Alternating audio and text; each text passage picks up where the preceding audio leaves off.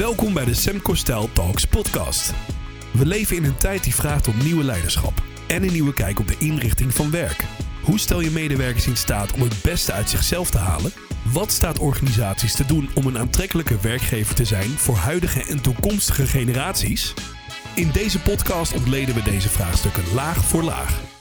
Welkom bij Semco Stal Talks, de podcast waarin we op zoek gaan naar de organisatie van morgen en de toekomst van werk.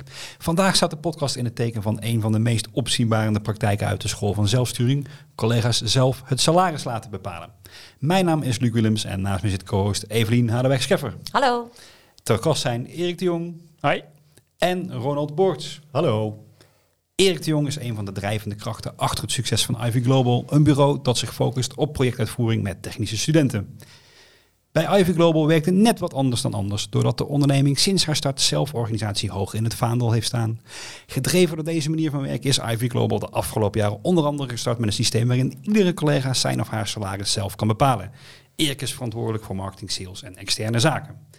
En ook de gast is Ronald Borks, zoals we net al introduceerden. Hij is een van de twee directeuren van EPROM, een organisatie die staat voor de focus op resultaat en de mens. Hij voerde een vergelijking uit tussen salarissen bij Ivy en die in de markt en hielp om het instrumentarium te ontwikkelen. Welkom allemaal en leuk dat we er zijn. We hebben 50 minuten om met elkaar uh, dit onderwerp uh, te verkennen. En voor iedereen die de podcast al kent of hem nu leert kennen, we beginnen altijd graag met een persoonlijke noot. En die vraag hebben we gewoon rechtstreeks gestolen van Jurgen Rijman. En omdat die goed bevalt, houden we hem erin. Uh, allereerst aan jou de vraag, Erik. Wie is je moeder, wie is je vader? Ja, nou, leuke vraag. Mijn uh, moeder is Elze. Uh, zij is eigenlijk lange tijd uh, voor ons er geweest, voor mij en mijn broer, qua werk. Hè. Dus later heeft ze een eigen webshop gehad. En mijn vader is een financiële man, accountant van, van, van ja, niet per se van beroep, maar van opleiding. En ehm, later al financiële functies gehad en logistiek, et cetera, directiefuncties. Dus ja, dat zij. Leuk. En wat, wat van hun zie je terug in jou, in je werk? Nou, ik ben geen uh, accountant geworden. Integendeel, verre van. Ik zie Evelien al lachen. Um, nee, dus daar, heb ik helemaal niks mee. Ik denk dat ik wel financieel onderlegd ben, maar, maar meer dan dat ook niet. Maar um, ja, wat ik denk van hun geleerd heb, was... Um, ze hebben ons altijd erg vrijgelaten in de opvoeding. Dus um, we mochten zelf kiezen hoe laten we thuis kwamen. Uh, vroeger als we naar de kermis gingen of weet ik veel wat. Uh, en een ander voorbeeld is denk um, als wij iets wilden kopen, een Playstation en wat dan ook op jonge leeftijd, dan was het niet, nee dat mag niet, want dat is stom, want uh, daar doe je niks mee of zo. Maar nou, waarom zou je dat willen en wat ga je dan mee doen en hoe ga je daarmee spelen en hoe wil je dan nieuwe spellen kopen? Weet je, dat was een beetje de manier waarop zij ons hebben... hebben ik wil zeggen opgeleid, maar dat klinkt wel uh, klinkt helemaal verkeerd. Dus, um, dus ja, dat, dat, dat, dat, dat herken ik wel een beetje in, in het zelfsturende natuurlijk. Hè. Dat, dat, uh, eigenlijk op die manier ben ik al groot geworden, om het zo maar te zeggen. En uh, misschien dat me ook wel aanspreekt in een zelfsturende organisatie, ja. De verantwoordelijkheid laten waar die hoort. Ja, eigenlijk wel, ja. ja. Mooi. Ronald, je voelt de vraag al aankomen. wie is je vader, ja. wie is je moeder? Ja, mijn vader is Ben, of liever gezegd was Ben, want die is er niet meer. En mijn moeder is Gusta. Uh, en mijn vader was uh, ondernemer. Hij had uh, drie damesmodezaken. daar was hij, hij was op een gegeven moment begonnen vanuit een functie als financiële verantwoordelijke. Hij was in opleiding voor als accountant. Maar um, hij, zag, uh, hij zag mensen om hem heen die het in zijn ogen toch slimmer aanpakten dan hij in loondienst. Dus is hij voor zichzelf begonnen en heeft hij een damesmodezaak uh, is hij begonnen samen met iemand anders. En toen heeft hij er nog twee uh, weten te stichten. Um, en mijn moeder die is opge opgeleid als, als laboratoriumanalist. Um, en dat heeft ze in het begin ook gedaan, maar toen ze trouwde, toen is ze zeg maar in de, in de zaak gegaan en meegeholpen op, op allerlei vlakken. Dus ja, dat, uh, dat zijn mijn vader en moeder. Uh, zelfstandigen. Ja, inderdaad. Ja, precies. Ontsnapt aan het juk der, der loonarbeider. ja, nou ja, dat, dat, en de vraag natuurlijk van wat heb ik daarvan overgenomen. Ik denk dat dat ook wel, dat dat wel meespeelt. Ik zag natuurlijk gewoon dat mijn ouders hun tijd zelf konden, konden indelen. Uh, en misschien, ik, ik heb me niet voorgenomen, zo van dat wil ik later ook, maar dat het toch op de een of andere manier een rol gaat spelen. En dat je denkt van nou, dit is eigenlijk wel heel erg een plezierige manier om je leven te leiden. Dus uh, ik ben vanaf uh, 2000 ben ik zelfstandig. Ben ik 2003 eigenlijk. Ja, ben ik als freelancer begonnen en toen heb ik Eh, in 2015 hebben we, 2016 hebben we EPROM, samen dus met mijn eh, zakenpartner Roland, hebben we EPROM overgenomen. Ja, dat is, eh, zo is het. Ehm, en ik denk wat ik misschien ook wel van huis heb meegenomen, daarover nadenkend, is, eh, is dat denk ik voor een ondernemer eh, gebruikelijk is om niet, niet in de slachtofferrol te komen. Zeg maar. Problemen zijn er om opgelost te worden en wat kan ik er zelf aan doen? En ik denk, want je, je, creëert natuurlijk die ruimte ook voor jezelf, maar dan moet je dat ook gaan, eh, gaan uitvoeren. Ik denk dat dat ook wel een beetje meespeelt. En wat ook denk belangrijk is, is dat ik mijn ouders zag dat die ook altijd ruimte hadden voor plezier. Dus eh, er werd, eh, nou, dat, dat, er werd een tijd die ze hadden, die ze konden maken, eh, werd er ook voor gebruikt. Dus dat, dat probeer ik ook te doen en proberen we binnen EPROM ook zeker te doen. Nou ja, en ik, eh, terwijl je zo praat over het ondernemerschap, realiseer me ook als eh, ondernemer zijn. Als je eenmaal ondernemer bent, je, je kan de schuld gewoon niet aan iemand anders geven. toch? Precies. Ja, precies. Dat is- precies. ja, ja en- kun je, wel, je kunt er wel over klagen, maar eh, ja, uiteindelijk moet je er gewoon mee dealen. En sterker nog, het is ook gewoon heel eerlijk wat er gebeurt. Als ik sinds 2016 in onze start met Sam Kristal Instituut ook kijk. dus Soms kwam geld binnen en soms ook niet. Ehm, eh, maar dat voelt ook meteen als eerlijk. Sterker nog, we zijn er zelfs soms in staat, soms houden de management management een tijdje in. En denken we, nou dat is Ja. even beter voor het bedrijf. Soms, zelfs met, met al onze collega's als het nodig is. Ja. Omgekeerd eh, plukken we de vruchten ook van als het goed gaat en keren we onszelf dan meer uit. Maar eh, nu we het toch over het topic van zelf salaris bepalen hebben, waarom zouden we überhaupt een vast salaris mogen of moeten willen genieten? Is dat niet een leuke eerste vraag om zo over te bomen? Nou, ik denk dat hypotheek dat wel heel fijn vindt. Hè? Als je gewoon eh, st- standaard eh, hetzelfde bedrag binnenkomt natuurlijk. Dus, Nee, de eh, bank wel, maar goed. Ja, nou ja, als de, als de bank... ik wil de bank wel graag blij houden. Anders, ook om, om, anders krijg je denk ik geen hypotheek meer tegenwoordig. Dus ik denk dat het systeem in Nederland is denk ik zo georganiseerd dat het bijna niet anders kan. Hè? Op een flexibele manier, zeg maar, de, een percentage nemen van wat er iedere maand overblijft en dat verdelen onder elkaar. Ik denk dat het, het systeem in Nederland daar niet op ingericht is. Nee. Hmm. Wat denk jij, eh, Ronald? Nou ja, nee, ik denk dat het ook een beetje te maken heeft wat je gewend bent, waar je, bent in, waar je in bent opgevoed als het ware. Hè? Opgevoed dus in de zin van je werkende leven. Want ik vind het altijd wel, eh, ik, ik ben al heel lang zelfstandige. Ehm, en dan weet je gewoon dat je de, ja, de ene keer heb je, wat meer te, heb je wat meer te spenderen dan de andere keer. En dan is het heel grappig om te horen dat soms mensen bellen van eh, een dag na de normale dag van de salarisbetaling. Oh, waar is het eh, geld gebleven? Dat, waarom is dat nog niet binnen? Dat is wel een hele andere wereld, denk ik. En er is niks, niks plus, eh, niet, niet goed of fout of zo hoor, maar dat, het heeft gewoon denk ik te maken met waar je aan gewend bent. Als je eraan gewend bent dat hij gewoon een bepaalde, ja, nou ja, dan stel je blijkbaar daar alles op in. En ik ben al vrij lang dat ontwend. Nou, maar goed, je hebt, ik heb gelukkig, ik heb absoluut niet te klagen gehad als zelfstandige en nu ook niet. Dus ja, nee, toch, toch, toch, praten toch, nog, toch nog een keer dezelfde deliberatie. Geld, geld is waardering, is resultaat. Dus wat, wat zou erop tegen zijn om een resultaat mee te laten wegen? eh, la- mee te laten wegen? Wat denk jij, Evelien?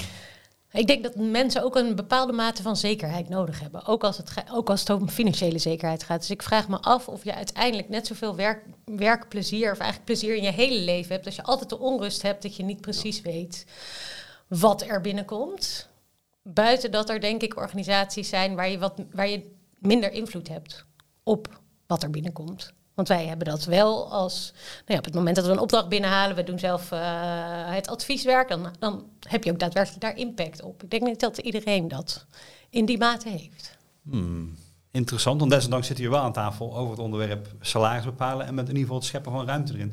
Erik, kun jij Ivy Global introduceren, dat mensen een beetje een beeld hebben bij eh, wat de organisatie doet, om daarna te verkennen eh, Ja. wat het thema salaris eh, betekent in jullie organisatie? Ja. Ehm, nou, wat wij, wat wij doen is, ehm, wij, wij pakken technische projecten op en daar zetten we studenten op in. Eh, on- onder begeleiding van ervaren projectmanagers. Dus dat is een beetje de kern van wat we doen. Ik denk dat we nu 15 man intern hebben, verspreid over sales, eh, projectmanagement, eh, recruitment en een stuk back-office. En we hebben maandelijk, of iedere maand ongeveer 100 studenten voor ons werken. Ehm, dus dat is wat wij doen. En ik, vanaf het begin, ehm sterker nog, mijn eerste dag, ik ben niet de oprichter, maar mijn, mijn eerste dag was zou zelfs plaatsvinden op het moment dat Jorn eh, op vakantie was. Die was zes weken op reis. En ik zou mijn eerste werkdag hebben op het moment dat hij op vakantie was. En er was verder niemand. Dus ik had niemand die mee me kon werken. En zei, ja, een beetje, wat is het ergste wat kan gebeuren? Weet je wel. Dus eh, ehm, vanaf het begin was het al gewoon heel vrij. En weet je, we doen het gewoon met z'n allen. We bepalen met z'n allen. We zijn allemaal verantwoordelijk. Dus laten we het met z'n... eh, met elkaar maar regelen, zeg maar. Dus vanaf het begin hebben we ook gezegd, nou laten we met z'n allen dan salaris bepalen, zeg maar. Nou, toen we met z'n tweeën zaten, was dat natuurlijk heel snel beklonken. Ehm, maar ja, toen wat groter werd, ik geloof de eerste keer dat we met een mannetje of zes waren. Uh, toen hebben we het ook maar gewoon gedaan, met z'n allen. Gewoon even met elkaar opgesloten in een, uh, in een zaaltje en pas naar buiten gaan als het bepaald was. En zo hebben we eigenlijk jaren doorgaan, met wel verschillende vormen erbij. Van, nou, wie zijn, weet je, zet je erbij? Zet je starters bijvoorbeeld erbij? Dat was toen, weet ik nog, een, een thema, nu niet meer. Um, dus zo hebben we het in verschillende vormen gedaan. En dat was het was niet... Um, het ging met hort en stoot, om het zo maar te zeggen. Uh, daar, weet, nou, weet je de voorganger uh, Koen die ook alles van. En op een gegeven moment was het wel noodzaak van... Nou, volgens mij moeten we dit gewoon op een andere manier gaan doen. En niet per se dat we, dan, dat we nou top-down gaan bepalen... maar wel dat we het gewoon slimmer gaan doen, zeg maar. Dus zo hebben we een keer een van die sessies ook ingericht... van ja, wat verwacht je nou eigenlijk en wat, wat betekent waardering voor jou? En daar kwamen eigenlijk heel veel dingen... zat je wel op één lijn, sommige wat niet. Dus daar er was wel genoeg aanleiding om het de volgende keer beter te gaan doen. Ehm, en wat we toen gedaan hebben, dat is het afgelopen jaar, dus dat we eigenlijk ehm, een vaste set van regels van kader hebben opgesteld. Een visie van, nou, zo kijken we met z'n allen naar, naar, naar loon en naar salaris. En binnen dat spectrum gaan we het met elkaar gewoon één keer per jaar hebben over salaris, wat we willen verdienen, et cetera. En we merkten dat gewoon heel veel beter werkte. Dus die, heel veel strubbelingen zijn daarmee, uh, zijn daarmee denk voorkomen. Dus uh, ja, dat is een beetje de, de vlucht die wij hebben gedaan de afgelopen zes jaar daarmee. Ik zie je al vragend kijken. Ja, maar, ik zit erover ja. na te denken, de, want dat, dat betekent eigenlijk dat je salaris veel breder bekijkt dan, dan een, een maandelijks bedrag, toch? Als ik hoor, um, uh, wat verwacht je eigenlijk, wat betekent waardering voor jou, uh, wat is eigenlijk de betekenis van, van salaris? Dan heb je het over hele wezenlijke vragen eigenlijk. Klopt dat? Nou, nee, nee, het is wel echt primaire arbeidsvoorwaarden. Dat is wel de kern van het gesprek. Maar um, wat we eigenlijk gedaan hebben, is kijk naar salaris en, en, en hoeveel krijg je erbij komend jaar. Dat verschilt gewoon voor iedereen. Weet je, de een heeft een referentiekader van ja, je krijgt er weet ik wel 1000 euro bij, en de ander misschien 200, misschien de ander denkt nou, als 50 euro, dat is al goed, weet je wel. Dus dat referentiekader verschilt. En, en waarom wordt er bepaald? Ook dat verschilt. Iedereen heeft gewoon hele andere verwachtingen erbij. Dus wat wij eigenlijk gedaan hebben, is, is een, met dat document, is dat we gewoon een opzet hebben gemaakt. Dus zo kijken wij naar dit vinden wij belangrijk en dit vinden we niet belangrijk. Dus als je een discussie wil hebben, kan daarover. Hier, dit, dit is geen argument, zeg maar. Dat, dat is eigenlijk wat we, wat we hebben gedaan. En um, waardoor, we, waardoor iedereen veel meer op één lijn zat. En je veel meer ook inhoudelijke discussie kan hebben en niet um, um, ja, over onderwerpen te gaan hebben wat van de een iemand heel belangrijk vindt, maar de ander niet. Of uh, we hebben ook bijvoorbeeld besloten dat, dat de resultaten van de onderneming bepalen hoeveel we erop vooruit gaan het nieuwe jaar. Uh, maar wat is dan goed? Wanneer hebben we nou een goede winst gedraaid? Ja, dat stond bijvoorbeeld niet vast. Uh, de een zei, nou ja, als we 10% doen, dan doen we het fantastisch. De ander zei, nee, we moeten 20% halen. En de ander dacht, ja, ja 3% is ook wel goed, weet je wel. Dus het verschilt ook een beetje ook vanuit ieders eigen uh, belangen misschien. Maar ook gewoon hoe ze erin staan. Hè. Sommigen zijn misschien wat, uh, wat voorzichtiger dan anderen. Dus over dat soort dingen hebben we gewoon afspraken gemaakt. Van ja, 10% is gewoon gemiddeld. En alles daarboven, dan doen we het gemiddeld. Krijgen we ook meer dan gemiddeld. Zitten we eronder, dan, dan geven we elkaar minder dan gemiddeld. Dus zo hebben we, ja, en dat werkte wel. Dat gewoon die duidelijkheid er is. En dat je niet meer over dat soort uh, um, um, onderwerpen discussie hoeft te voeren. Ja, het, het, wordt niet zo, zo variabel als in mijn wilde gedachtenspinsel van het begin van het gesprek, maar het, het, wordt wel degelijk een onderwerp van gesprek tussen iedereen. En daarmee Zeker. onderscheidt het zich al wel van, van traditionele manieren van werken. Hoe, hoe ziet het spectrum eruit, Ronald, dat jij voorbij ziet komen in jouw werk als adviseur op dit gebied? Van de systemen om de salarisverhogingen te bepalen, ja. wil je? Ja. Um, nou ja, heel vaak zie je wel de min of meer uh, traditionele aanpak dat er een, um, een beoordelingscyclus is waarbij er um, dan gekeken wordt naar hoe goed is de beoordeling, hoe goed is de, of in hoe ver zit iemand al van het einde van de schaal af. En dan zijn er schalen dus. En hoe ver zit iemand? En die twee factoren bepalen dan volgens een of andere formule of uh, matrixje uh, de, de stijging van het salaris van die persoon. Hè, dat, dat, dat is wel, denk ik, het meest gebruikte. En um, nu zie je uh, in de markt, en dat is zelfs misschien al oud nieuws voor, uh, voor, voor velen, uh, dat men eigenlijk af wil van die koppeling van, van ontwikkeling en beloning. dus dat je het, het item ontwikkeling van mensen, dat je dat apart belegt en niet direct hard koppelt aan de, aan de, aan de salarisverhoging. En het, de gedachte is ook, daar, een van de gedachten achter is dat als je, eh, en dat heb ik zelf ook al meegemaakt, moet ik zeggen, toen ik bij eh, mijn eerste twee banen bij adviesbureaus werkte. En dan is elk, elke feedback eh, die, die ruikt naar iets wat te maken gaat krijgen met jouw beloning aan het eind van het jaar. En dat wil je natuurlijk niet. Je wil eigenlijk dat mensen gewoon hè, dat feedback geven, dat dat is gericht op het ontwikkelen van mensen. En dat, je, en dat, dat, je, dat niemand daar enige schroom over heeft om dat te geven of te ontvangen. Want het gaat gewoon over jouw Ik persoonlijke ga niet te veel complimentjes geven, want voor je het weet eh, moet ik betalen. Precies, dat, dat, die sfeer, dat wil je er los van koppelen. Dus, eh, maar wat je dan wel moet doen met die beloning, dat is dan nog wel een beetje een vraag. En, dat, hè, en dan, eh, dan zeggen, nou, dan sommige bedrijven kiezen dan voor om gewoon een heel bijna, een bijna overheidsachtig systeem te introduceren, waarbij je gewoon traders hebt en je gaat gewoon ieder jaar, hup, ga je gewoon naar de volgende treden tot het einde en dan is het afgelopen. Dan is er hopelijk nog een keer een uh, Ik hoor wel terminale aspecten met wanneer het afgelopen is. Oh, je ja. aan het einde van de schaal zit. Ja, ja, nee, maar dat kan op de wereld afval. Maar dat kan, nou, kijk, heel veel mensen hebben natuurlijk een enorme hekel aan die hele cyclus. Dus de managers hebben er een hekel aan, mensen hebben er een hekel aan. Dus, dus dit systeem kan op zich prima werken, want dan schaf je dat gewoon af. En dan is het gewoon voor iedereen duidelijk. Zo je begint hier en je eindigt daar. En dan is het, tenzij je een andere baan krijgt of tenzij de schalen worden aangepast door inflatie. Dus dat geeft wel heel veel rust. En, en er zijn echt bedrijven die daar heel, eh, die daar heel blij van worden en gewoon overschakelen van, van meer, die, meer dat, eh, ja, je zou het misschien anglo-saxisch of wat dan ook, die meer performance gebaseerde beloning eh, afschaffen en naar, naar dit systeem gaan. Maar dan krijg je wel, dat is wel grappig, we hebben dat een keer, we hebben een keer een organisatie begeleid daarmee. En dan eh, een van de dingen waar mensen dan hun vinger over opsteken, zo van, maar wat doen we nou met high potentials? Eh, want want die, eh, die, je hebt dan geen manier meer in jouw systematiek om te zeggen van, oh, nou, Pietje doet het wel echt een heel stuk beter dan de rest. Dus die Far exceeds expectations. ja, dus die moeten we eigenlijk een beetje harder er doorheen laten lopen. Maar dat zit er dan nergens ingebakken. Dus dat is dan wel een van de dingen die, die moet oplossen op een andere manier. Als je dat al wil oplossen. Of, of mensen krijgen dan meteen de gedachte, ah, dus ik moet aan de poorten onderhandelen. Want daarna is het eigenlijk... Daarna is het een bekeken zaak. ja. Ja, Ja, ja. precies. Dus, Maar- dus het, heeft, het heeft, maar ja, het heeft gewoon zijn voor- en zijn nadelen. Ja, want ik, ik hoor de ontwikkelgerichte benadering waarbij alles eh, gekwantificeerd, Precies. eh, elke collectieve feedback gekwantificeerd wordt. Ik, ik hoor een vaste systematiek voor iedereen, maar wat ik bij Erik beluister is een, een systeem dat op het totaalresultaat en, en de winst mede afhankelijk is. Klopt dat? Zo? Ja, Ja. een beetje in het verlengde van wat jij zegt. hè. Bij Ivy zeggen we sowieso, we zijn allemaal eigenaar. Sterker nog, we zijn ook allemaal eigenaar. Ehm, maar, eh, en, wij zien onszelf als een sluitstok van de begroting, hè, zeg maar. Hè. Dus eh, eh, in die hoedanigheid hebben we ook gezegd, van, nou, als het met Ivy goed gaat, gaat het met ons goed. Dus eh, Maar het gaat hierin wel over de vaste salarissen. En niet, Ja. jullie werken Ja. niet met bonussen. nee, nee, nee. nee.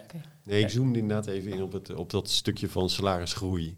En maar inderdaad, Ah. daarnaast zie je zeker winstdelingsregelingen. Of, eh, en zeg maar voor, voor zwaardere functies heb je dan vaak iets wat dan met een mooi woord long-term incentive plan heet. Of wat dan ook. Ja. Dat er met aandelen of nou ja, wat dan ook. Ja. Dus daar, daar, daar, daar ontstaat een enorme creativiteit. Hè?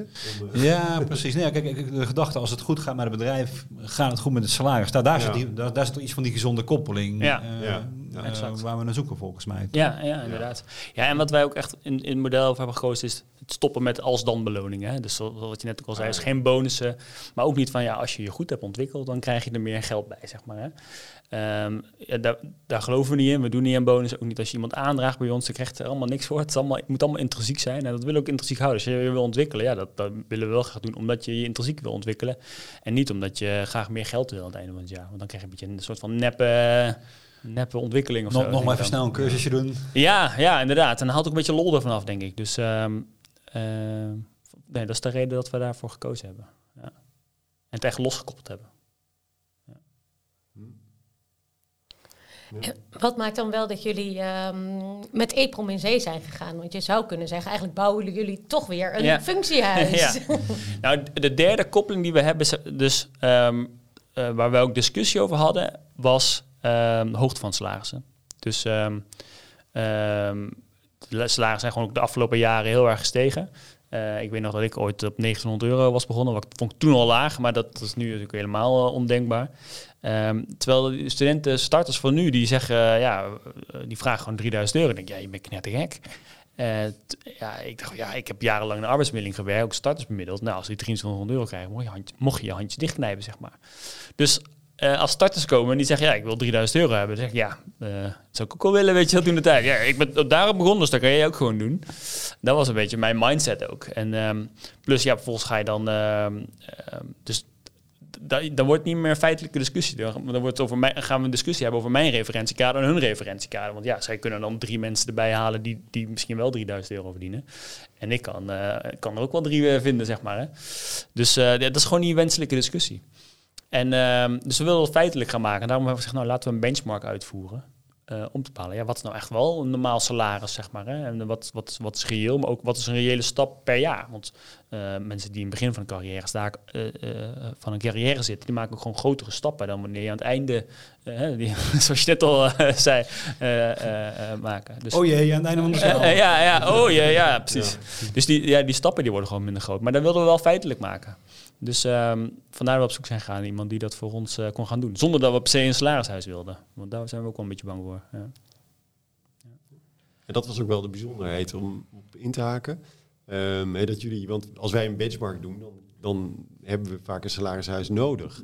Hè, want dan hebben we, of sorry, een functiehuis nodig. En dan moeten we gewoon weten van, oké, welke functies zijn er in de onderneming? En dan maken we daar een rangordening van, zodat we ze kunnen vergelijken met vergelijkbare functies in de markt. En ehm, jullie wilden dat niet. Nee. We hebben, dat, is, dat was ik, de eerste stap zeg maar, van het project om met elkaar uit te, uit te vinden eigenlijk van wat we nou eigenlijk zouden gaan maken. Vond ik heel erg leuk en heel erg inspirerend. Ja. Want jullie, hadden, jullie wisten heel duidelijk wat je niet wilde. Eh, en toen zijn we volgens mij, als ik zo mag zeggen, een beetje samen geïtereerd naar een, naar een ja, noem het een instrument wat daarbij paste. Wat bij, eh, bij jullie paste en wat wij dachten te kunnen maken. Ja, exact. Ja, we, we- we waren op zoek naar wat partijen die- die, dat voor ons konden doen. Maar hun eerste vraag was wel, heb je salarishuis? Nee, dat hebben we niet. Nee, dan- Wat, wat is jullie aversie van een salarishuis? Nou ja, die schalen en treden, is al, ja, eh, dat gedoe. En, maar plus, je gaat dan ook, ook functies ga je heel erg inkaderen. En dat, dat gaat dan ten koste van je flexibiliteit. Want bij ons, je- mijn functietitel, eh, ja, dan ben je al een half uur bezig om uit te leggen wat ik doe, zeg maar. En dat is eigenlijk, geldt eigenlijk bij iedereen, geldt dat zo bij ons. Dus ja, als we dan iemand gaan inkaderen wat hij doet, ja, dat, dat, dat, doen we niet iedereen recht aan. Dat willen we gewoon bespreekbaar maken. Dus ehm, daarom wilden we dat niet. Dus, eh, en om die reden dat we dat Ronald zei, nou, dat durf ik wel aan. Dus eh, vandaar dat we met jullie dat traject in zijn gegaan. Hey, hoe moet ik me zo'n zo'n salarisbespreeksessie voorstellen? Nou, dus salaris bepalen en bespreken überhaupt een van de grootste taboe-onderwerpen. Bij Semco Stal is het een, van de eerste dingen waar mensen mee komen. Eh, bij eh, Jorge Silva, onze partner in Latijns-Amerika, ook. Sterker nog, hij haalde dat BBC World, BBC World artikel mee met, met precies dezelfde kop hebben. Het bedrijf waar mensen zelf hun salaris bepalen. Wat? Weet je, nou, dat, dat komt daarbij dus opening nieuws bij, bij BBC World. Ricardo Semler is er wereldwijd bekend mee geworden Ja. omdat we volgens mij wel het grootste taboe-onderwerp te pakken hebben. Hè? Salaris en dat, en, en dat ook nog onderling bespreekbaar maken. Ja, ja. Ehm, hoe ervaren jullie dat? Is dat heel spannend? Gaat dat makkelijk? ja, dat is wel spannend. Ook eh, met name voor mensen die het voor de eerste keer doen natuurlijk. Ehm, ja, dat, dat- maar dat zal denk ik ook altijd blijven. En Dat, dat, is met ieder, ieder model, of je nou met de traditionele manager gaat zitten en eh, ja, dan mag maar gaan horen wat je krijgt. Dus ja, dat is altijd een spannend, eh, spannend iets. Maar hoe gaat het bij ons aan toe? Ja, wij, eh, we zijn met wat kleinere groepjes ook gaan werken afgelopen jaren, zodat het gewoon wat, ja, wat, wat makkelijker is. Iedereen zich wat meer kan, kan uitspreken van wat ze willen en waarom en et cetera. En ehm, ja, je ziet in de praktijk dat we er eigenlijk best wel vaak snel uit waren. Zeker dit jaar eh, waren we er eh, merendeels binnen een half uurtje eigenlijk wel klaar. En dan heb je vier, vijf mensen eh, zeg maar een akkoord op wat ze voor het nieuwe jaar willen gaan verdienen. Dus dat is wel eigenlijk heel simpel gegaan. En in de praktijk merk je ook dat, omdat het zo spannend is, dat mensen ook juist wat voorzichtiger zijn, denk ik, dan dat mensen verwachten. Hè. Dit is toch het eerste als je, als je dat hoort op, van BBC News, nou, dan mag je het zelf bepalen. Nou, dan graaien, graaien. Maar dat, ja, het tegendeel is waar. Dus eh, mensen zijn juist voorzichtiger, ook, eh, ook vanwege, eh, ja, wat vinden, zouden anderen daar nou precies van vinden? En doordat je met elkaar ook bepaalt en mensen misschien wel ook elkaar wat meer gunnen, of weet niet dat mensen ook eerder zeggen, nee, dat is veel te weinig, je moet meer vragen, weet je wel, je moet daarop gaan zitten. Ja, ja, dat, dat wil ik ook wel, maar ja, dat vond ik dan wel toch spannend. Dus je ziet juist een hele andere dynamiek ontstaan. Bijzonder, vind ik. Dat, dat vertelde je toen ook Ja. dat het zo was. Wel bijzonder. Dat, dat, het lijkt een beetje op zo'n beweging dat als je mensen meer hun verantwoordelijkheid geeft, dat ze, dat ze er zelf over gaan nadenken wat die verantwoordelijkheid dan is. En Ja, wat houdt het voorzichtig mee omgaan. Nou, z- z- z- zeker. En kijk, verantwoordelijkheid en eh, zelforganisatie, Semcostal of de manier van werken bij Ivy Global, die, die, be- die begrippen zijn bijna uitwisselbaar. Dat- Het gaat ook om de vraag hoe je omgaat met verantwoordelijkheid. Dus ik, Ja. ik Ja. ken het thema ook al erg. En ik heb pas eindelijk eens een boek van Rutger Bregman gelezen, weet je, de Oh, meeste ja. mensen deugen. Ja. En van een van de grootste misvattingen in. Er zijn echt maar een paar kernideeën die iedereen kent. En die onze beelden hebben bepaald. En daaronder is eh, dat de mensen een soort homo economicus is die eh, zo min mogelijk zal doen voor zoveel mogelijk geld. Weet je? En, eh, onder, onder die misvatting zit, oh, nou zullen mensen vast gaan graaien, want dat is voor zichzelf het beste. Maar we zijn uiteindelijk Nee. groepstieren, we zijn sociaal. Ja. Dus als je mensen in staat stelt om een sociale balans te vinden, Ja, kiezen ze echt wel iets wat niet alleen goed is voor zichzelf. Het zijn misschien enige geperverteerde sociale systemen waarin dat moeilijk wordt. Ja, maar als je het transparant maakt, aan kleine groepen overlaat, dan zijn mensen heel erg geneigd om verantwoordelijk mee om te gaan. Vakantiedagen is net zo'n ding. ja, ja precies. Ja, bedrijven ons ook. Ja. onbeperkte vakantiedagen. Oh, dan zijn mensen zeker het hele jaar op vakantie. Net tegenovergestelde eerder. Precies. Eh, de reden waarom we trouwens over bij Semstal zelf eh, in een gesprek erover hebben gekozen van nou laten we maar duidelijk zijn. Eh, want dan eh, gaan mensen tenminste. Of vakantiedagen. Ja, we hebben gezegd eh, 30 vakantiedagen. Ja, precies. Dan is het eh, wel royaal. weet je wel. Eh, het moet zeker niet te weinig zijn. Nee. Maar wij dachten ook van, nou, dus heb je in ieder geval een duidelijke referentie. Ja, bij ons staat het letterlijk ook in de contracten, Ja. maar het- we houden het niet bij. Dus Wij ook niet. We weten ook niet wie wat of wat, eh, wie er nou het het meeste. bij. Nee. Nee. En dat is ideaal. Maar wij- eh, ik had bij mijn vorige werk had ik 25 dagen, wat dan niet zo ge- gek veel is. Maar wat je dan hebt is, ik, ga je toch sparen of zo? Want je, misschien heb je nog een keer eentje ergens nodig.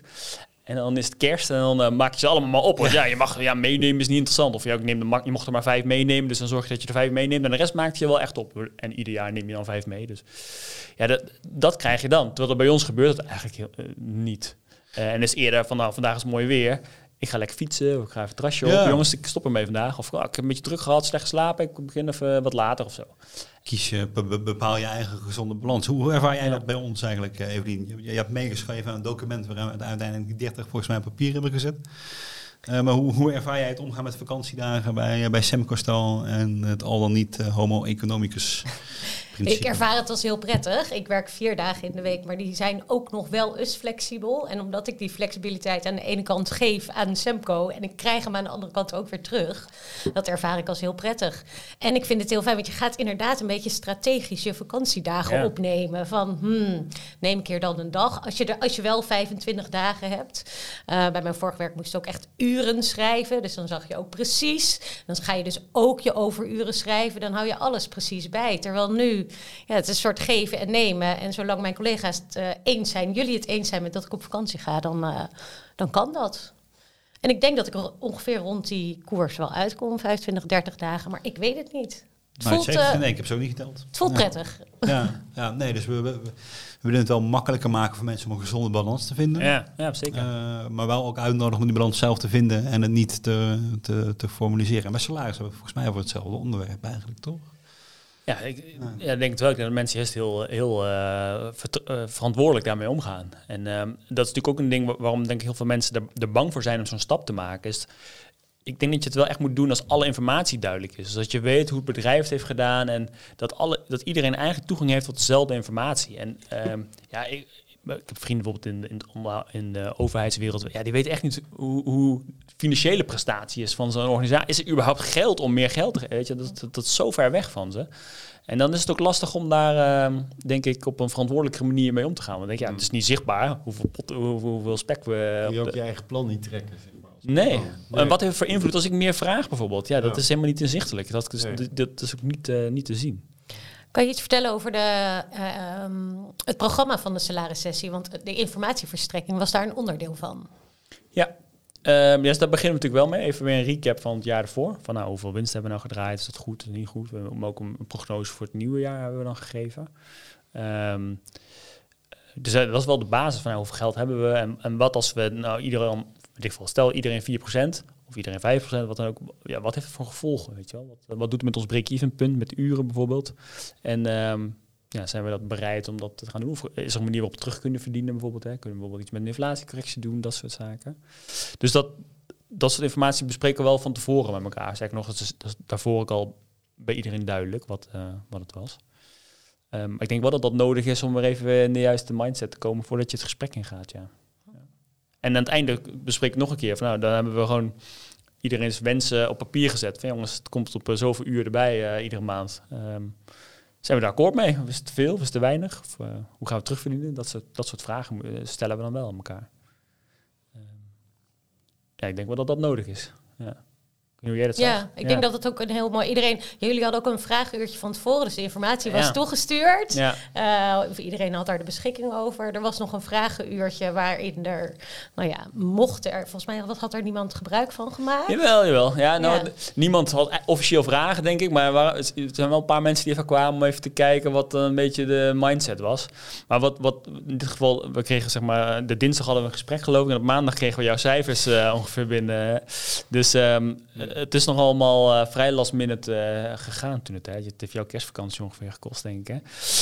Eh, maar maar ehm, eh, dus het was het is voor de eerste keer dat we op deze manier gingen werken. Dus we zeiden ook met elkaar, nou ja, ik heb een uurtje om even te interpreteren we het nou op de, op de juiste manier. En dat is toch, er komen niet echt vragen over waarom is dit zo, of wat is de hoogte of zo. Dat, die gesprek heb je niet echt maar meer van, zie ik het nou zo goed? Ik wil een beetje op deze manier het gaan doen. Is het, klopt dat? Zie jij dat ook zo? Ja, dat zien we ook zo. Oké, nou dan ga ik dat eh, op die manier doen. Dus mensen gaan toch, vinden het toch ook prettig om eventjes afstemming te hebben of zo. Van nou, zie ik het nou goed? Ben je weer hetzelfde? Maar je, zei eventjes, eh, hoe verdienen we terug, hè, die stijging. Maar hebben jullie dan wel een soort eh, target voor, voor een zekere marge voor het, voor het jaar erop? Ja, maar moet, daar moet een bepaalde winst worden gemaakt of iets dergelijks? Of, Ja. dan wel. Ja, we willen zeg maar... eh, Gebaseerd op de prognose van de omzet en ja, ja, oké. Ja, dus eh, 10% is ons gemiddelde winst, dat is ons doel. Dus daar, daar willen we wel eh, op zitten. Hè. Dus dat, dat sowieso is een, is een ding. Plus we willen op alle projecten willen we in ieder geval minimaal 20% bruto marge maken. Zodat we gewoon financieel winstgevend zijn. Ehm, ja, dit jaar was het natuurlijk helemaal anders, omdat het best wel wat hoger zijn gestegen dan normaal. Of geen inflatie, eh, die natuurlijk heel hoog was geweest. En dat heeft wel... ehm, ja, dus dat maakt het, maakt het wel anders dan andere jaren, ja. Ja. ja. Dus, ehm, Ja. Jullie zijn allemaal eigenaar, zei je. ja, Dat is ook wel mooi. ja. Is dat, is dat bij jullie ook, bij het Semco Instituut ook? Want dat helpt wel in de motivatie om je zo te gedragen, denk ik. Als je, hè, als je, eigenaar, als je gewoon letterlijk eigenaar bent voor een stukje. Ja, precies. Ja. Ja, dat is wel anders. Maar ik had verwacht dat meer met me zou doen toen ik het kreeg. maar ehm, eh, het is wel heel gaaf. Ja, natuurlijk voelt dat zo. En je kijkt er op een andere wat zakelijker naar. Van ja, jongens, eh, eerst was het meer winst. Dat, ik vind dat iets abstracts. Weet je, het is gewoon geld wat er overblijft op de bank, waar ik nooit naar kijk. Dus het is best wel iets, iets geks, weet je wel. Winst gewoon, ja, je moet gewoon... Nou, sterker nog, als, als ik, als ik eh, vrienden vraag hoeveel ze verdienen, dan moet iedereen het opzoeken en nog eens even goed kijken. Ja. Oh nee, maar deze maand had ik veel declaraties. Wat verdien ik eigenlijk? Ja, Als je genoeg verdient, is dat blijkbaar niet, niet iets wat... ik zou het niet paraat kunnen vertellen, nee, maar... ja. Maar, dat, ja, maar goed, dat, dat, dat, daar, daar verschillen wij denk ik niet in, maar... En, en hoe ziet dit eigenaarschap eh, er in de, in de letterlijke zin uit bij, bij Ivy? Is dat een stak en certificaten? Of, eh, Ja, dus eh, ongeveer 30% is in een stak eh, gestopt, een stichting eh administratiekantoor, waarin zeg maar, de, de 30% van de aandelen gecertificeerd zijn. En er is een online tool waar we daarmee kunnen handelen. Dus dan kun je zien hoeveel het is, hoeveel het waard is, ehm, voor je belastingaangifte ook. En ehm, ja, dan kun je gewoon met elkaar eh, verkopen en aankopen. Ehm, maar je kan ook een deel van je salaris bijvoorbeeld in, in certificaten laten uitbetalen. Maar in feite is iedereen die, die start, ook al eh, werk je een maand, krijg je in ieder geval één of twee certificaten. Dus dan ja, ben je eigenlijk officieel gewoon eigenaar. Dus Ja, dat is wel ja, gewoon gaaf. Ja. Ja. En als het gaat om waardering, toen eh Joren, de directeur, die certificaten had eh, toegestuurd. Ik hoorde daar van jouw collega's hele enthousiaste verhalen over. Ja. Niet zozeer dat ze ook dat ze eigenaar werden, maar ook omdat hij er een brief bij had gedaan om zijn waardering uit te spreken. En als je het dan hebt Ja. over salaris en over waardering, gaat dus het uitspreken naar elkaar wat je waardeert, Ja. is heel belangrijk. Misschien belangrijker dan salaris? Of... Ja, ja, dat denk ik ook. Ja. Ja, denk maar, ik ook. maar dat is ook wa- waar we in het begin ook al over zeiden. Dat iedereen heeft een ander beeld bij. Van, ja, ik wil meer verdienen, want dan pas ben, ik gewaardeerd. Terwijl voor anderen kan het zijn dat ze een keer een kaartje krijgen op een verjaardag of zo. Weet je wel. Dus Ja. voor iedereen is dat anders, denk ik. En, en ehm, wij hebben gewoon gezegd, ja, wij, wij, wij koppen het los. Dus eh, no hard feelings als het wat lager is. heeft gewoon met te maken hoe we het bedrijf hebben gedaan. Of hoe hoog het is. Ja, dat zegt niet dat we je niet waarderen of niet. Dus eh, daarom is het ook zo belangrijk om, om denk ik, op één lijn te staan. Of hoe je er naar kijkt. Ja.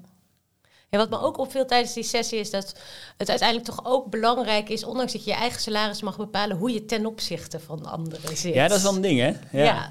ja. dat blijft altijd wel. eh, de, de- zo met jaren gedaan, dat we het echt samenvoegden en allemaal gelijk. Want we doen het samen, dus we moeten wel allemaal hetzelfde eh, verdienen, zeg maar. Dus Dat is een interessante, ja. Ja. Ja, dat is grappig. Ja. Misschien ook een beetje veilig of zo, hè? Maar eh, terwijl, ja, de een die gaat heel anders in zijn ontwikkeling van zijn, in zijn marktwaarde dan een ander. Maar toch houden we daar ook wel voor een deel wel aan vast. Kennen jullie dat eh, filmpje van die aapjes vast wel of niet? Die, eh, dat, is die, dat gaat over dit onderwerp eigenlijk. Van hoe belangrijk vind je dat, dat jouw collega's ook eerlijk worden beloond? En hebben ze, hebben dan, je ziet dan zeg maar hokjes met eh, aapjes. eh, en die krijgen dan, die wordt geleerd dat als ze een, ehm, ze krijgen een stukje komkommer als ze een steentje komen brengen. Dus liggen ook liggen om het steentje komen. Het steentje krijgt een stuk komkommer. En dan gaan ze het aapje ernaast. Die krijgt geen stukje komkommer, maar die krijgt een eh, iets lekkerders. Ik ben vergeten wat. Druiven een mij. druif, oh ja, een druif, precies. En, en op een gegeven moment, dat is zo grappig. eh, ik hoop dat het filmpje echt is en niet, dat we niet gefopt worden. Maar zit een man in een pak, hoor. Ja. Ja. ja. Rutger Bregman haalt het vast. Ja, op een gegeven moment eh, ziet, ziet dus dat aapje die die komkommertjes krijgt, die ziet dat zijn buurman eh, druiven krijgt. En dan zie je hem echt een paar keer kijken. En op een gegeven moment smijt hij gewoon die komkommerstukjes terug naar, de, naar, de, naar de, de man die ze omruilt, omdat hij ontevreden is. Hij wil ook druiven. Het moet eerlijk Zo zijn. grappig, het En- moet en, eerlijk en wat eerlijk is, is, Ja. is, ja, dat- dat- we hebben weinig absolute maatstaven. Dat is allemaal relatief en Ja. relationeel. Ja. Jonge kinderen doen het ook, dat zul jij thuis eh, eh, ook, zien. En bij ons ook, als, eh, als, eh, als ik eh, eh, Tibbe, onze jongste, een kleiner stuk koek geef, letterlijk, dan Dante, dan gooit hij hem ook gewoon weg. Dan is het van, eh, nee, ik ben niet akkoord. Dit is, dit is niet eerlijk. Dit is niet eerlijk. Ster, niet sterker nog, eerlijk. boosheid. Boosheid staat rechtstreeks in verband met de gepercipieerde eerlijkheid. Dat, eh, dat, heb, dat heb ik geleerd in de film Inside Out van Disney. Dat was best een geniale ja, film. dat is een hele leuke film. Ja. Ook over, over de functie van emoties. Nou, boosheid, Ja. boosheid en eerlijkheid hangen rechtstreeks met elkaar samen. Ik- sinds ik die zo heb gezien, wordt het ook makkelijk om de boosheid van, van mijn kinderen te reguleren. Omdat, ik, omdat er meestal iets onder zit. Dat ze, denken, dit is niet eerlijk. Ja. Ja, dus als, Ja. als dan bij hun meedenken, oh ja, wat vindt ze hier niet eerlijk? Nou, hij mag wel dit. Of zij mag wel dat. Dat, dat, dat is, grappig wat je nu zegt. dat is precies dit Ja. mechanisme. En dat is de reden waarom vaak die salarisbespreking met je manager eh, verkeerd uitlopen. Want dan loop je naar buiten en denk je, oh, ik ben best wel tevreden. En dan spreek je je collega en die heeft er dan, weet ik van, tientje en meer bij gekregen of zo, weet je wel. En dan, oh, dat is niet eerlijk. Terwijl je, je weet helemaal niet waarop dat gebaseerd is. En terwijl juist als je het opengooit en transparant maakt en met elkaar bespreekt en ook achteraf zegt, ja, maar eh, waarom is dit nou verschillend? En vinden we, ja, hoe staan we daar allemaal Ja. Eh, dat voorkomt die boosheid, denk ik. Want als het maar eerlijk is, sterker nog, bij ons eh, eh, nog zo'n voorbeeldje uit, eh, uit, kinderopvoeden dan. Want ik vind het een heel mooi parallel om, om naar te kijken als je er gewoon al Ja, mee bezig zeker, bent. zeker. Uh, ons zoontje van 2,5 kan dus prima dingen zoals de afstandsbediening van de, van, van, van, van, de, van, van de tv, die kan hij gewoon delen met zijn zusje.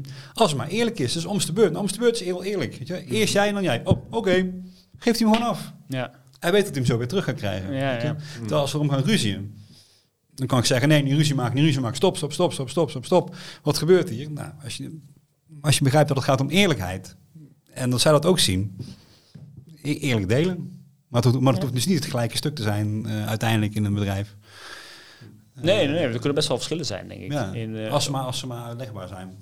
Ja, precies. Als je maar ergens over kan hebben. En dat er grond is om die, die- om die verschillen te kunnen verklaren misschien. Dus eh, eh, doordat iemand misschien meer doet of meer, meer kan, zeg maar. Of misschien meer in de, in de ja, eh, waard is in de markt, om het zo maar te zeggen. Ja, dan, dan, ja, dan moet je gewoon uit kunnen leggen. Ja, en een inhoudelijke discussie over hebben. En die eerlijkheid ging bij jullie ook over dat dan iemand misschien meer moest vragen, ja, meer omhoog moest Ja. dan het voorstel was. Dat vond ik ook mooi. de- Dat klopt, ja. Ja. Dat andere, andere mensen aanmoedigden om van je doet het zo goed, je mag wel wat meer Ja. vragen. Ja, Oh ja, wat natuurlijk een hele Ja. mooie manier Ja. van waardering ook is. Om Ja. eh, ja, ja, ja, zo ja. uit te ja, spreken. absoluut. Ja. Ja. Ja, want wat, Wat wat is zijn niet afgesproken van tevoren? Of, eh, een grapje. Nee, nee, zeker niet. Maar het, is, weet je, het gaat ook niet om een hele grote bedragen of zo. Maar het gaat dan vaak meer over wel meer afrondingsdingen. Van nou, weet je, gevoelsmatig kun je ook echt wel... Best wel 70 mag je best wel 100 vragen of zo. Weet je wel, dat soort, en dat soort dingetjes gaat het dan. Van ja, eh, je doet jezelf tekort. Ja, ja. Dus, eh, Ja. Mooi. ja. Nee, maar da- daar nog even op doordenken.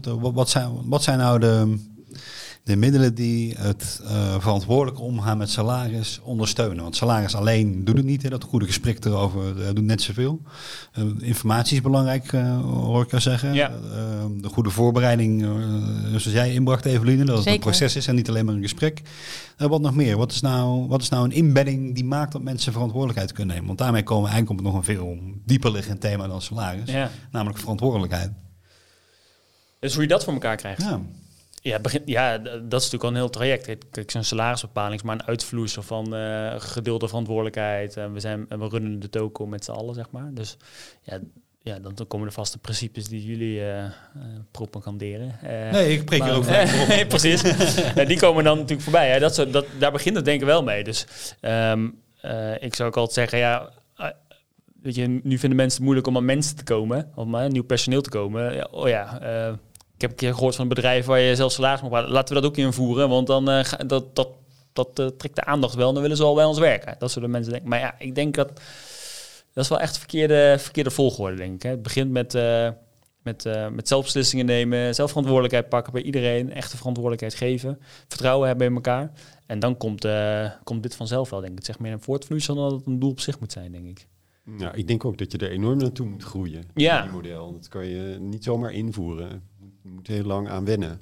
Sterker nog, misschien zelfs wel gewoon vanaf het begin af aan dat, je, dat, je, dat het bedrijf het heeft. En op het moment dat je erbij komt, dan, dan voel je hoe het is en dan is het oké. Okay. Maar om het, om het te laten groeien van hoe het nu is naar zo'n model, nou, dat is een stevige, stevige verandering, denk ik. Ik denk dat het beter zou gaan dan je denkt. Ik denk, Ja? ja? ik, Ja. ja, ik denk wel echt dat, dat alle mensen deugen, zeg maar. De meeste mensen, laten we zo zeggen.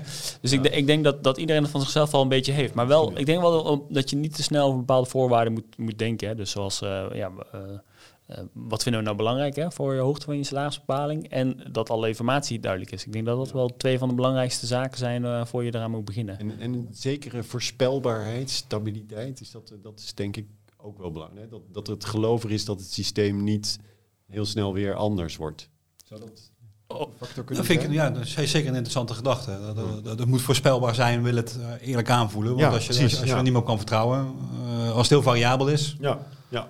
Ja. ja, maar ook wat je van je salarisverhoging kan verwachten. Dus, uh, ja, sterker nog, dan gaat ook terug naar het begin van ons gesprek, toch? Waar, waar, ja. waar, waar, ik zei, wel, goh, zou je niet helemaal open moeten worden? Nee, nee, nee, maar kijk, joh, hypotheek. Ja, nee, ja, ja, precies. Je moet wel kunnen verwachten, ja. Om het thuis uit te kunnen leggen. ja, dus... Uh, ja, ik denk dat het wel belangrijk is, ja, dat verwachtingen overeenkomen. Dat, ja, ook al is het misschien nog steeds een goed voorstel, ja, als, als het niet overeenkomt met de verwachtingen, ben je toch teleurgesteld op een of andere manier. Hè? Nou, ja. voor, voorspelbaarheid is ook een belangrijke factor. Dus. Ja, ik denk ja. het wel. Niet iedereen is gemaakt om ondernemer te zijn ook. Hè? Dus uh, uh, ik denk dat heel veel mensen wel, wel ondernemer kunnen zijn, maar wel vanuit een solide basis. En ik denk dat je dat, dat, dat, je dat als bedrijf, dat, als, dat is wat wij als bedrijf willen, dat er wel die solide basis kunnen zijn, waarbinnen iedereen ondernemer kan zijn, zeg maar. Um, en niet iedereen is ervoor gemaakt om, uh, om als ZZP'er te werken. En dan een, ene maand uh, heel veel te verdienen en een maand erop gewoon uh, op vakantie te hebben, zeg maar. Dat is gewoon echt niet iedereen voor gemaakt, denk ik. Nee, nee. ik ook. Ja. Ja. Ik wil nog steeds nog even na te denken over wat je zei, boosheid en... Um, um, Eerlijkheid. Eerlijkheid zijn elkaars uh, tegengestelde, zou je daar. Maar dan gaan we heel erg divergeren. Dat uh, de, de boosheid die we nu op sommige vlakken in de maatschappij zien, is dat dan toch misschien direct gerelateerd aan gepercipieerde oneerlijkheid? Ja, denk ja, het wel. Ik denk het wel. Ja, fijn dat je nog een... Waar of niet, maar Ja, nog, nog een tandje groter, zeker. Ja. Ik denk het wel. Ja. Het is niet eerlijk wat hier gebeurt. het is niet Ik krijg eigenlijk te weinig. Ja, Ja.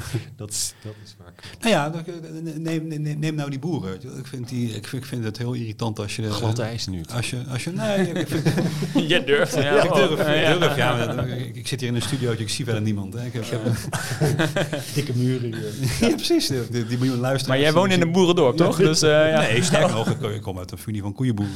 Dus ik, maar ik, ik, ik vind het heel irritant als, de, de, als het distributiecentrum wordt geblokkeerd. Ja. Eh, maar eh, dat, dat het als niet eerlijk wordt ervaren, dat snap ik heel goed. Dan denk ik van, wat is dit nou weer? Weet je we worden al jarenlang doodgegooid met de ene naar de andere richtlijn. En nu moet het toch in één keer weer zoveel anders dat, dat- dat je er geen toekomst in ziet. Dat is zo oneerlijk als het maar zijn kan. Ja. Dat, eh, dat, dat het zo voelt, Dat het op zo voelt, ja. Volgens mij eh, Ja. is mijn ijs nog niet heel glad, toch? Nee, nee, nee. nee. met, met, met, een beetje empathie. Je kan nog, eh, goed eh, slapen Zijn, zijn boosheid en eerlijkheid hier goed aan elkaar te, te linken qua thematiek. Ja, ongetwijfeld. Ja.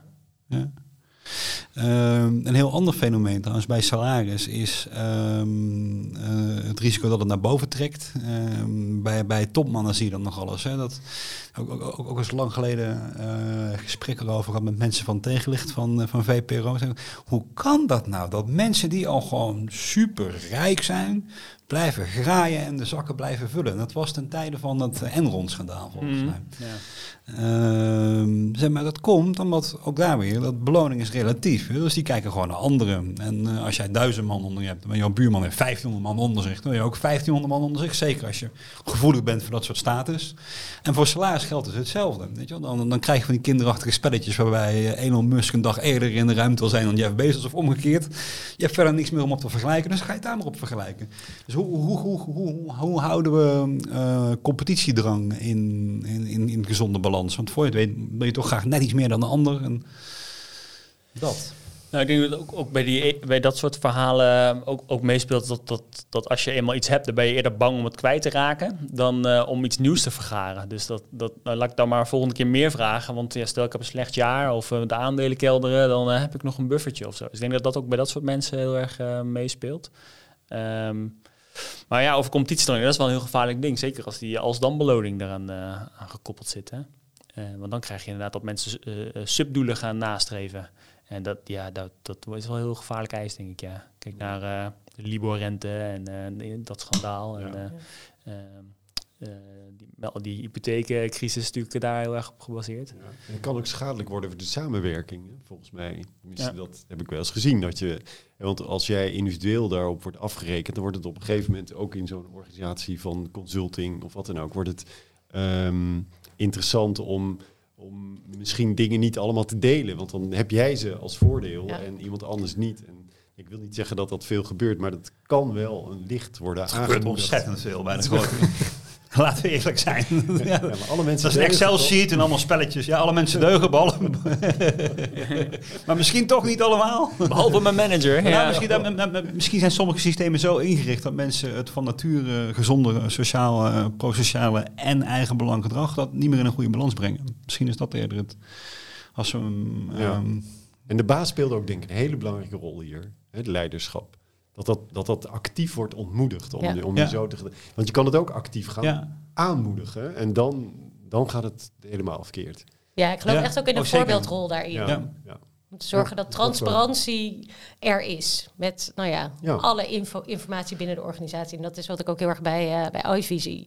Dat er, alles is transparant. Dus dat wordt ook heel erg gestimuleerd. Ja, ja. Nou, en, en, en, en dus het, het gedrag waarmee je laat zien dat je verantwoordelijkheid neemt voor het geheel. En niet Ja. alleen voor je eigen stukje, maar voor, voor een subdoel, zoals jij Ja, het eh, ja. zegt. Ehm, en dat, dat, dat je dat vanuit eh, de top of vanuit de voorbeeldrol in ieder geval ook laat zien. ja. En dat, ehm, ja, dat je Dat was bij ons wel een thema, want eh, wat je net zei ook over outperformers. Hè? En kijk, bij ons is eigenlijk iedereen heel gelijk. Dus hoe, ook al eh, doe je de beste projecten, haal je de meeste geld binnen. Ja, dat, dat is voor ons niet per se een thema om meer of minder te vragen, zeg maar. Ehm, eh, en dat is best wel een, een lastig ding. Van ja, ik haal toch meer binnen, waarom zou ik daar niks mee doen? Maar we hebben er bewust voor gekozen. Ja, als, ehm, stel dat jij het heel goed doet, maar de rest van het bedrijf gaat niet goed. Ja, dan heb jij het eigenlijk ook niet goed gedaan. En dat is wel eh, wat we daarmee willen uitstralen. Van ja, het gaat, het gaat pas goed. Je hebt het pas echt goed gedaan als het hele bedrijf het goed heeft gedaan. Ehm, anders voorkom, ja, dan voorkom je dit soort, dit soort zaken. Dat iemand misschien echt superveel bonus krijgt of zo. Omdat ze misschien heel veel geld hebben binnengehaald. Maar ja, de rest heeft het niet goed gedaan. Waardoor je verlies maakt. En dan zit je iemand heel veel bonus te betalen... terwijl je bedrijf eh, aan de lippen staat. Zeg maar, het water aan de lippen staat. Dus, Ja, dus het eigen belang en het organisatiebelang zitten heel erg verweven met ja, elkaar. ja, exact. Ja. Ja. Dus eh, ja, dat blijft wel een, een lastig thema, denk ik. Ja, heel Ja. mooi. Nee, Ook, ook, ook bij een trick bij ABN AMRO wat te begeleiden zagen we dat ook terug. Ja, wij, wij kiezen nu voor samen over de streep. Dat, Oh ja, eh, ja, ja. Iedereen bereikt zijn doelen pas als de rest zijn doelen ook heeft bereikt. Ja, ja. Eh, dan, dan heb je het eigenlijk over dezelfde dimensie. Ja. Ja. Ehm, als we vooruitblikken naar de toekomst van werk, wat zijn nou uit alles wat we de afgelopen 47 minuten hebben besproken, de dingen die we de toekomst van het werk toewensen, zeg maar? Wat zijn de voorbeelden of de ideeën waarvan we zeggen, die zouden eens meer organisaties moeten doen? Flexibilisering is denk ik wel een hele belangrijke. Dat zie je natuurlijk nu al gaan met een aantal mensen die als ZZP'er ook willen starten. Gewoon omdat ze geen baas eh, boven zich eh, willen hebben. Ik denk dat dat alleen maar meer zal gaan toenemen. En ook de, de flexibiliteit om eh, op vakantie te gaan wanneer je wil. Of op het terrasje te pakken als het een mooie middag is. Ja, dat levert zoveel op qua werk, eh, werkgeluk, denk ik, Ja. dan, eh, dan de traditionele manier. Dus ja, dat, dat gun ik eh, denk ik iedereen. eh want om ook, te- zeker in deze tijden, waar wil je werken? Wil je thuis werken? Wil je op kantoor werken? Ja, dat zijn wel, eh, ik, ja, dat zijn wel belangrijke trends, denk ik, waar je in mee moet als, als werkgever. Ja. Dus flexibilisering in niet zozeer dat mensen ZZP'er moeten worden, bedoel je, maar gewoon dat ook in de binnen, ook al werk je als in, in een vaste dienst, dat je, dat je dit soort flexibiliteit hebt. Ja. Exact, dat ja. denk ik ook. Ja, mensen gaan niet, voor- worden niet voor niks ZZP'er. Eh, dus Nee. pas je erop aan, want er is blijkbaar een behoefte die er heel, bij heel veel werknemers speelt. Ja. Ik ben toen ik jong was, ik was denk ik een jaar of 16, toen werkte ik eh, in de logistiek ook. En eh, ging ik een dagje mee met vrachtwagenchauffeurs. En dat zijn echt mensen die zijn geboren om vrachtwagenchauffeur te worden. En dan zat ik daar met die gasten in de, in, in de, in de cabine en dan vroeg ik aan ze, maar wat vind je nou eigenlijk leuk aan? Joh? Je zit een pakketje te bezorgen. En ze zei, ja, ik heb gewoon de hele dag geen baas die met me meekijkt. En dat is me zo bijgebleven. Hè? Dat ik dacht, ja, dat is, oh, is dat dan zo fijn? En nou, later werk je in een kantoortuin en denk je, ja, het is eigenlijk best wel lekker dat er niemand met je meekijkt. Ja, dus dat is wel ehm, de kern, denk ik inderdaad. Eh, Ja. Ook voor, voor toekomstige le- eh, leiders. Ja, ga niet meekijken. ja. Ja, daar zeg je iets. De, de, eh, ik las er nog een mooi artikel over in de Volkskrant, waar een eh, reporter die, die gaat alle banen af eh, die we waarnemen als zijn aan de onderkant. Hè. Dus die gaat flits bezorgen of verkeersregelaar, wat trouwens de grootste hel was. We want je staat de hele dag en het is volstrekt zinloos. Iedereen, iedereen fiets je gewoon voorbij. Weet je. Ja. Dus de, de pure zinloosheid van het werk. En hij is dus ook nog even eh, bagage gaan sjouwen op eh, Schiphol. Want nou, dan zegt hij, dat is fysiek de grootste rotbaan die er maar is. Want dat laadruim van een vliegtuig is ongeveer 90 centimeter tot 120 centimeter hoog. Dus je moet voortdurend op je knieën, op je al kruipend, zware kost van 20 kilo, dat, dat, dat vliegtuig, dat vliegtuig, ja, dat, dat, vliegtuig inschrijven. Maar ook daar zijn we, waarom doen mensen dit? Hij zei, nou, precies dat. Dus Je moet, je moet zelf maar zorgen dat je bij, bij het vliegtuig komt, weet je wel. Dus er is niemand die zegt, over, over vijf minuten moet het klaar zijn. Weet je wel, ze, ze, ze, ze hebben redelijk het gevoel dat ze hun eigen werk bepalen. Dus Ja. dus zelf is het echt een hele, hele, hele zware baan. Ja, Dat was dan toch de plus. ja nou, dat geloof ik heel goed. Ja. Toch hoop je dat die, eh, die waardering die toen in de COVID-tijd eh werd uitgesproken vaker, wat, waar we het net ook eventjes over hadden, die voor, de, voor wat ze mooi de frontline workers, dat dat zich ook gaat materialiseren. Dus eh, ik, eh, ik vroeg dat eh, laatst bij een, bij een groter bureau dan wij zelf, van merken u daar nou iets van? Zij merkte daar nog helemaal niks van. Maar ik hoop, ik hoop toch wel dat dat een beetje gaat gebeuren. Dat er, hè, dat er meer waardering komt voor dat soort beroepen en dat die, dat die loonlijn gewoon iets, iets vlakker gaat lopen, zeg maar. Hè? Dus niet aan de onderkant wat omhoog wordt getrokken. En dat zie je natuurlijk wel, hè? want je zag in een aantal van die maatregelen die werden genomen, werd er bijvoorbeeld een vast bedrag. De schalen werden verhoogd met een vast bedrag. Nou, dat tikt natuurlijk onderin het loongebouw harder aan dan bij, de, bij bovenin. Hè, dus in die zin zie je, maar je ziet er nog niet zoveel. Ik hoop dat dat een beetje doorzet nog. Maar ja. Zie jij nog andere eh, zaken voor de toekomst van werk? Nou, dit, dit was het punt wat ik even wilde opmerken. en ik denk in, in en ik sluit me erg aan bij Erik. Ik denk ook dat, eh, dat je op die manier eh dat werkplezier moet proberen te laten toenemen bij eh, werknemers door dat soort mogelijkheden te bieden. En daar is ook een enorme behoefte aan. Ja. Ik merk ook dat wij hebben nu mensen aangenomen en dat, ik heb het idee dat dat aspect wat, wat wij zijn wij zeggen, wij spie ik wilde zeggen, spiegelen het ze voor, maar dan is het net alsof het niet echt is. Het is wel echt. Eh, dat, dat, eh, dat dat een hoge aantrekkende werking heeft. Dat, dat, dat vinden mensen een heel plezierig idee. Dat wij zeggen van ja, het maakt helemaal niet uit. Hè, dan kom je s'avonds op kantoor werken. Dat willen we in principe niet hoor. Maar ik bedoel, eh, mocht je, of, of wil je een dag ruilen omdat, omdat, je, omdat je man iets heeft, prima. Maakt er allemaal niks uit. Als het, als het te combineren valt met de deadlines van de klant, prima. Dank voor het delen. Erik, ter afsluiting, want het, onze tijd zit er alweer op. Is er een vraag of gedachte die jij mee zou willen geven voor de andere podcasts? Inhakend op het thema wat we besproken hebben, maar het kan ook iets anders zijn rond de toekomst van werk. Eh, eh, een vraag aan, aan jullie. Aan, aan luisteraars. de luisteraars, aan de volgende gasten. Ehm, nou, daar overval je mee. Ik weet- het eigenlijk niet, zo- niet zozeer. Ja, weet je, ik denk... ehm, eh, er zijn best wel veel vooroordelen over dit onderwerp gaat. Dat zie je als ik met mensen hierover praat. Eh, we hebben laatst hiermee in het Financieel Dagblad gestaan. Reacties die we op LinkedIn daarover hebben gekregen. Ja, het zijn zoveel vooroordelen. Ehm, ja, probeer het gewoon eens. Want het, echt, het zal je verbazen wat ermee, eh wat ermee gebeurt. Dus mijn vraag is meer van, nou ja, laat je verrassen. Perfecte afsluiting. Dankjewel uh, voor deze laatste opmerking, Erik en Evelien, Erik en Ronald. Uh, dank voor het te gast zijn en co-host zijn bij Semco Style Talks. Semco Style Talks. Werken in de wereld van morgen.